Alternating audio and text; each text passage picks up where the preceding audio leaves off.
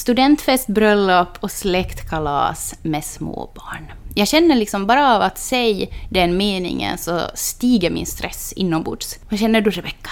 No, vi har väl eliminerat den stressen i år lite med att inte ta med åtminstone den minsta. Vi ska Ja. på ett bröllop. Att skulle vi ha med tvååringen, då skulle stressnivån vara hög. Ja.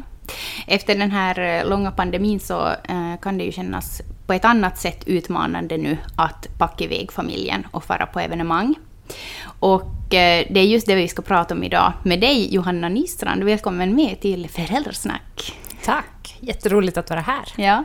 Eh, du ska ju idag ge oss lite eh, tips och råd kring hur man kan tänka före och under evenemang i sommar med barnen med.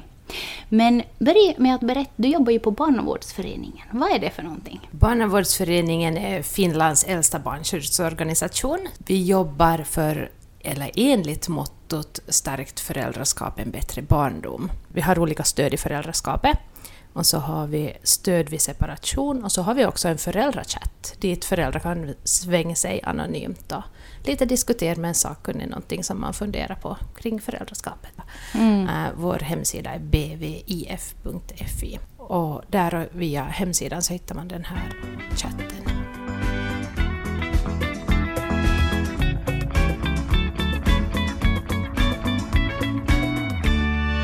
Men när det kommer till evenemang då, att många saker kom så automatiskt. Nej, men just det här att, att barnen till exempel var på teater, sådana här barnets dagar och det var liksom konserter och också från dagis och skola att man får iväg på sånt. Eh, så det kom ju på något sätt utan att man började fundera, att man lärde sig att gå på sånt och lärde sig vet du, sociala koder och hur det går till. Men det har ju varit borta nu. Exakt. Ja. Och där tror jag du är in på en jätteviktig poäng, att det är ju så nytt för så många barn. Mm. Att, eh, och för föräldrarna, eftersom man kanske inte har gått på så mycket fester nu då, och tillställningar under de här senaste åren. när man har, när min, mitt äldsta barn som fyller sju, så hela hennes, alltså under hela perioden vi har varit, haft barn i dagis så har det varit pandemi. Så när vi fick hem ett meddelande att nu återgår vi till normala rutiner, så var både jag och Jim sådär att va? Att vad är normala rutiner? För vi har aldrig varit, vet du, föräldrar på dagis eller skola under normala rutiner. Mm. Jag tycker också att man som förälder lite har glömt bort vad de här normala rutinerna är. Speciellt nu efter två somrar med, mm, med eh, alltså mindre antal evenemang, mindre studentfester, mindre bröllop, mindre förlovningskalas, konfirmationskalas, allt vad det finns. Eh, att eh, lite har jag nästan glömt bort det här, att vad är det normala när man ska få iväg på de här? Och speciellt för mina barn då som var ja, tre, fem och ja, noll när pandemin startade, så de har ju liksom helt glömt bort liksom sådär, vad det är för någonting. Och det som jag tänkt på också nu inför att vi skulle spela in var det att, att jag kände som att före pandemin så, så var just min femåring och då treåring ganska inom citationstecken duktiga på att vara med liksom på evenemang och studentkalas och sådär. Jag minns alltid att jag var som, som på något sätt en stolt mamma att ha med dem. Och jag vet ju inte om det har ändrat eller inte. Men den stressen är liksom närvarande nu på ett annat sätt. Eh, både liksom för den här då, så hon är ju nu idag åtta, och eh, sexåringen och just tvååringen då. Eh, att den här stressen eh, finns för vad som komma skall. Och, men tror du att det är olika utmaningar med barn som har vet du, upplevt tiden före pandemin? Och de här som föddes? Eller var små. när Eller var startade. små liksom, Mm. som, för dem är det här ju hela, det, är ju, det, det här är ju deras normala vardag. Ja, men precis. Så åtminstone så är de ju inte vana med det här. Att alla de här tillställningarna då, att gå på teater eller konsert eller kanske redan våravslutning med dagis är ju som någonting helt nytt. Så att det är ju mycket nytt för dem åtminstone. Mm. De vet ju inte heller vad de kan förvänta sig. Om inte vi Precis. föräldrar lite förbereder och, och talar om för dem. Så Johanna, nu ska du ju komma här som en räddande ängel till oss stressade föräldrar. och liksom, ja, och ge oss tips på hur vi kan minska den här stressen före och under evenemang med barnen. Jag tänker att det här var ni ju in på nu redan, att vad vi behöver åtminstone göra så behöver vi förbereda barnen innan vi går på en tillställning eller, eller en fest eller vart vi ska. Att vi lite berättar åt barnet kanske vart vi ska, vem som kommer att vara där och hur man ska bete sig där, vad man önskar, vad man har för förväntningar av barnet. Så att de, de vet och har en möjlighet att göra rätt då, för de vet vad som förväntas av dem. Är det det som kallas då för folkvett? Ni måste ha folkvett inne. Exakt, ja. ja. ja. Och det kan vara ju kanske lite svårt för barnen Ja. att få fatt på. Nej, men som sådär att, Ja, men att jag precis. förväntar mig att du ska bete dig på ett visst Ja. sätt. Att det, är- det, är en, det låter enkelt för vuxna, men för barn är det ju nog en svår sak. Att vad är det rätta sättet då? Och det är ju kanske också sånt här oskrivet, som jag tänker att, att man lär sig eller att man lär sig på något sätt automatiskt Ja. genom att vara med. Men, att som nu då du det har inte varit har varit. paus. Ja. Ja. Precis. Mm. Och speciellt om vi har barn som kanske har lite mera utmaningar eller har ett sånt temperament så, så behöver kanske ha ännu mer den här förberedelsen att man har uttalat gått igenom att vad som förväntas och hur man ska bete sig Mm. Mm. under den här festen. Då. Mm.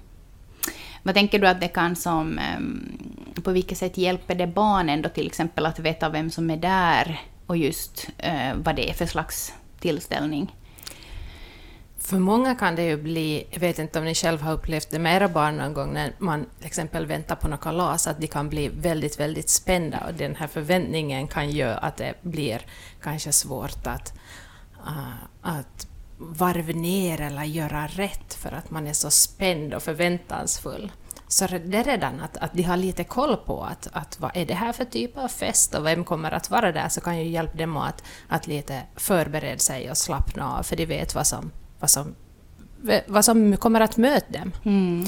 Jag tänker att vi, är ju, vi vuxna har ju ganska bra koll på sådana saker, för vi vet själv vart vi ska fara och vem, vem som kommer att vara där och vart vi far och så här. Så om, om man tänker att, att någon skulle plötsligt säga att Nej, men i- ikväll klockan sex far vi på en fest och så tar de bara med en. Mm. Så då vet ni den här känslan som man kanske kan få att, att jag vet inte alltså alls vad det här är för typ av fest, jag vet inte vem jag kommer att träffa där. Så om man lite som sätter sig in i hur det kan kännas för ett barn om man inte har förberett dem, lika som man kanske gör för sig själv, att man vet vart man ska och hurdan typ av fest det är och så. Mm. Ja, men det är ju nog jätteviktigt. Mm. Och där, där märker jag också, tycker jag, skillnad på lite på barnens så, nej, men behov vad de, vad de behöver innan, alltså där med tanke på förberedelse. Att ett av mina barn är sånt som ofta behöver ganska lång förberedelse. Medan jag märker att den här andra, så jag ska förbereda henne men jag ska göra det just före vi ska fara. För att om hon vet två dagar i förväg eller en vecka i förväg så, så då liksom funderar hon jättemycket på det. Precis. Ja. Jättebra poäng, för det där är ju jätteolika och som förälder så känner man ju sina Mm. barn bäst så man vet att, att just hur man ska Mm. göra det och när man ska göra det för att det ska bli bra.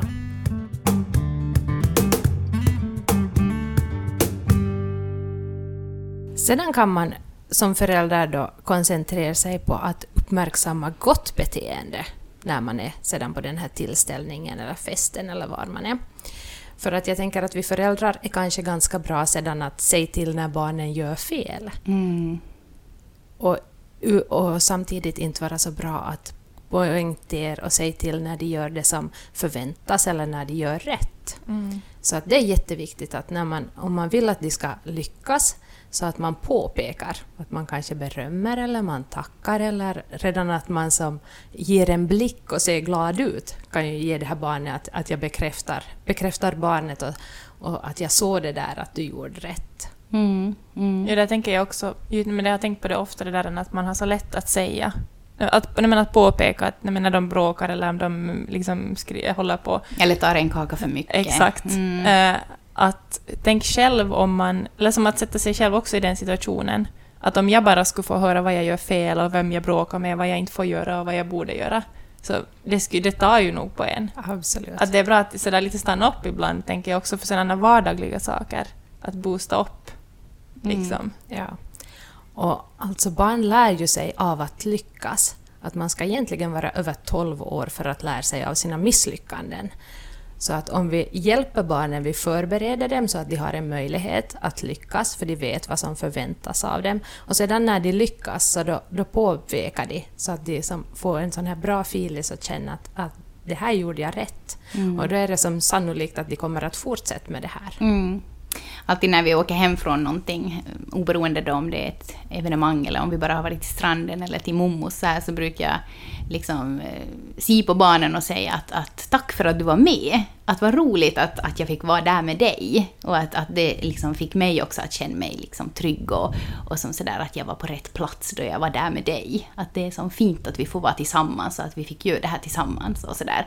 Att man också som på något sätt efteråt eh, glömmer allt det där negativa om det har varit något sånt och bara som fokuserar på att, att vad fint att vi fick göra det här tillsammans.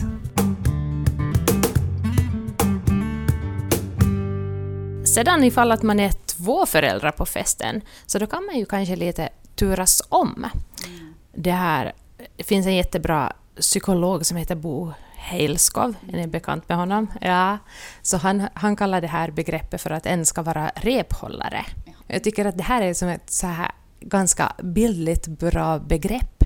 Att det kommer så från, jag seglar inte själv, men tydligen där att som att, att en håller hela tiden i repet för de här seglen eh, och att man turas om. Och det här ger ju både som föräldrarna en trygghet och ett lugn och åt barnen då en, eh, samma sak. Att man turas om att, att vi, vem som har ansvaret då tar hand om barnet. Så där, speciellt sådana barn som behöver kanske lite mer stöd och hjälp under en fest. Så då kan man ju bestämma att nej till exempel fram till kaffet så, så är jag med barnen och så efteråt så får du en timme då, så hinner jag prata med alla gästerna Mm. eller de andra. Mm. Och att det här är uttalat och att man kanske gör det på förhand.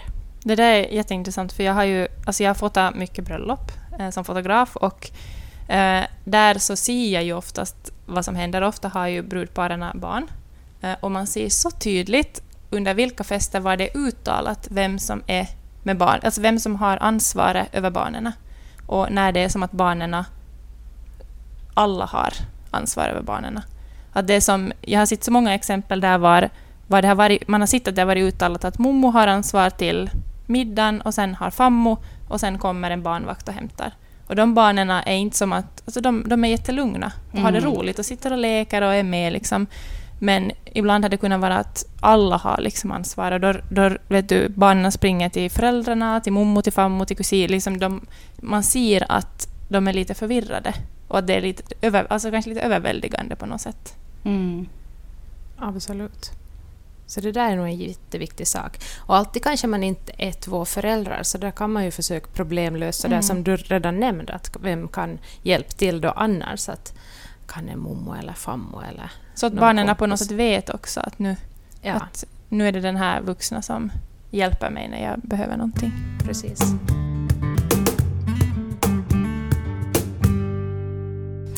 Okej, du har ännu något tips åt oss. Jag visste. Sedan kan man ju gärna ta med kanske någonting som barnet tycker om att göra. Så någonting som de tycker om att sysselsätta sig med. Kanske om man ska på ett, en konfirmation eller ett bröllop i kyrkan så kan man ju kanske ta med sig någon pysselbok eller klistermärken eller någonting, och kanske någonting smått att äta. Så att barnet har någonting att göra. Mm. Mm. Ja, speciellt just så här i kyrkor, för det är där vill man ju verkligen inte att de Alltså, ska börja hoj, hojla och ropa. Ja. ja. Och så där är det bra att ha med. Pack med lite, en väska med något sånt som barnet tycker om. Så den kan man ju kanske fundera att, att vilken mat kommer att bjudas på den här festen. Mm. Och är det jätteviktigt att mitt barn äter just den maten? Eller kan jag, om jag vet att det så kommer att serveras smörgåstårta och jag vet att mitt barn kommer absolut inte att äta smörgåstårta, så kan jag kanske packa med lite någon annan mat. Mm. För blodsockret gör ju ganska mycket för att, Mm. att det ska lyckas. Mm. Men ganska många har ju med eh, alltså skärmar idag som eh, underhållning åt barnen. Finns det en risk att, att det liksom tar bort fokuset från själva festen för barnen? Att, den, att de liksom lite missar hela upplevelsen av att faktiskt vara på en tillställning om man ger en skärm åt dem? Eller vad, vad, säger, vad har ni för tankar kring det? Ganska svår fråga. Det här tänker jag att man behöver som förälder kanske fundera igenom sin egen uppfattning. Och Mm. Varje familj behöver ta ett eget ställningstagande. Men så jag tänker att en skärm kan ju kanske i vissa fall vara en räddning Mm. för att vissa familjer ska kunna vara med på vissa fester. Mm. Men sen tänker jag att du har nog en viktig poäng där och att, ah, att man behöver lära barnen och, alltså på deras nivå. Mm.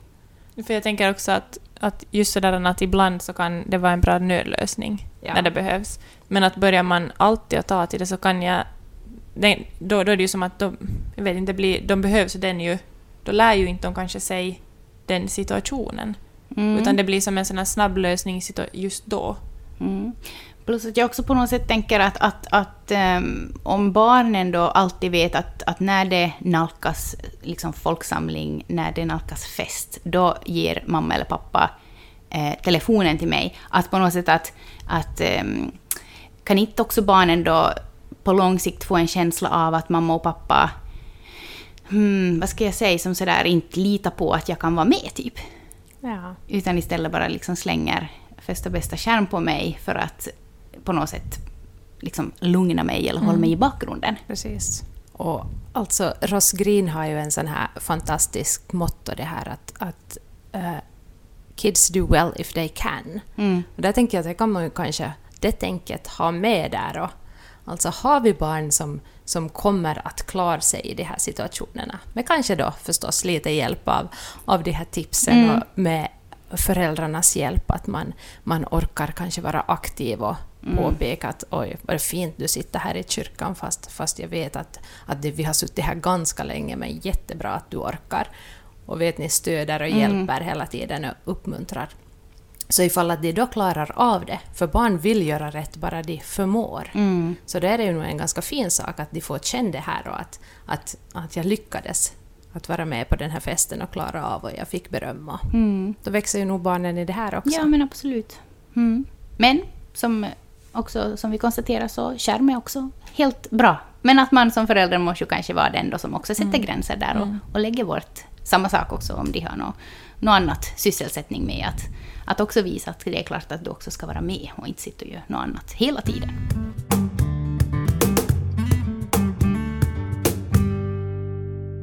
Ett annat tips som kan vara bra är det här att ifall man far på fest hem till någon där det inte finns barn, kanske till en äldre släkting eller varför inte någon yngre, yngre par som inte har barn, att man lite kan se ifall det finns mycket föremål eventuellt som dyrbara föremål som kan gå sönder, att man kanske kan fråga om det är okej att jag lyfter bort någonting så att inte man behöver hela tiden vara och vaka och, och, och hjälpa barnen igen då att lyckas så att inte händer de här olyckorna som är jobbig, jobbiga för alla.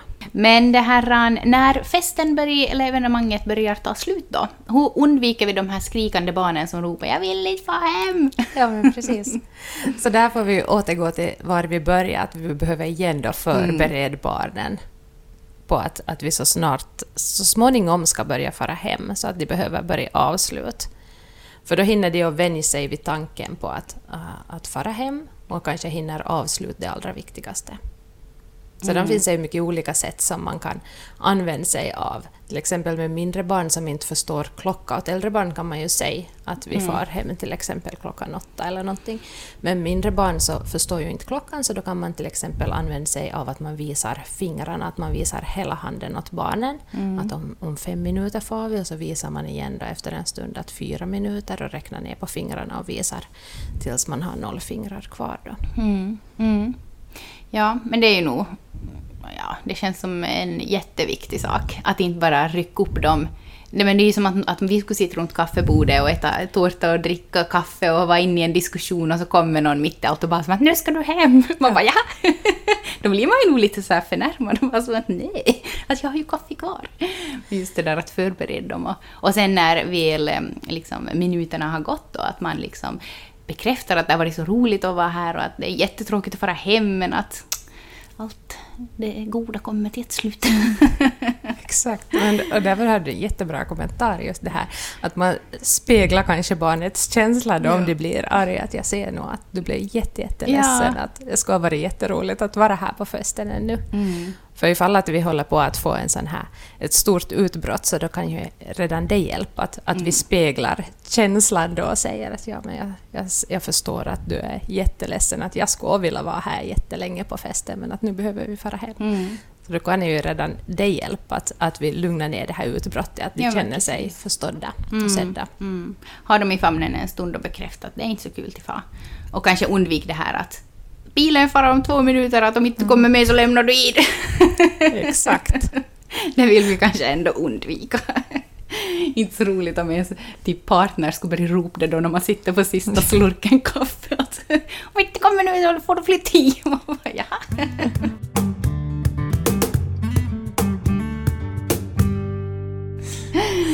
Okej, men har du någon sista, sista slutkläm här åt oss? Alltså jag tänker det här att, att känslor smittar ju av sig. Mm. Alltså både på gott och ont. Så ifall att man själv klarar av att, att kanske lite slappna av och ha roligt så kommer det ju att smitta av sig på barnen. Mm. så är det en jättebra sak. Och sedan då att lite dra ner de här förväntningarna och att ifall att det misslyckas så är det kanske inte hela världen heller. Nej. Nej, Det precis. gör ju inte så mycket. Nej. Ja, för Men jag att... tänker också sådär Mm. att man inte... Att det är inte så farligt.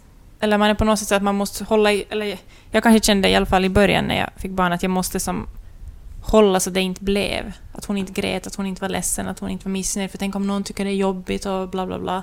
Men att kanske där också att det är inte så farligt. Alltså det är ju en sak om de jag storgråter och skriker i kyrkan under ett bröllop, liksom en vigsel, det kanske man inte riktigt vill. Nej. Men sådär annars så, inte, inte det är ju jobbigt för någon annan. Om ett barn är lite ledset eller skriker, om föräldrarna tar ju ansvar över det. Liksom. Exakt. Att hellre, jag tänker nog att hellre så, så får de, om, om de inte då till exempel vill fara hem, så hellre tar jag då deras ledsenhet och deras känslor och rop och skrik och bär ut dem i min famn, än att jag försöker börja muta dem med någonting annat för att på något sätt dämpa det för att alla andra ska tycka att jag är duktig och håller dem nöjda. Håller det i schack. Ja. Ja. Mm. Ja. Mm. Ja, det är väl kanske nog ändå liksom hanteringen på något sätt som är det viktiga. Och sen att barnen ändå inte ska någon gång känna att de eh, liksom gör fel för att de helt enkelt inte vet vad som förväntas av dem. För det är ju svårt. Ja. Speciellt nu efter pandemin. Jag tänker ibland brukar jag tänka när man far utomlands och far till ett nytt ställe och är främmande språk. Och då kan jag ju känna sådär, alltså jättesvårt och jag blir jätteosäker.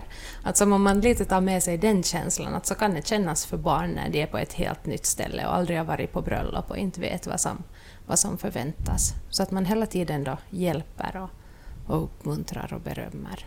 Mm. Ja. Stort tack Johanna för dina fantastiska tips. Jag känner mig stärkt och har mer mod nu att ta med barnen i sommar. Kanske det också är att vi måste bara göra det. Ja, exakt. Att Mm.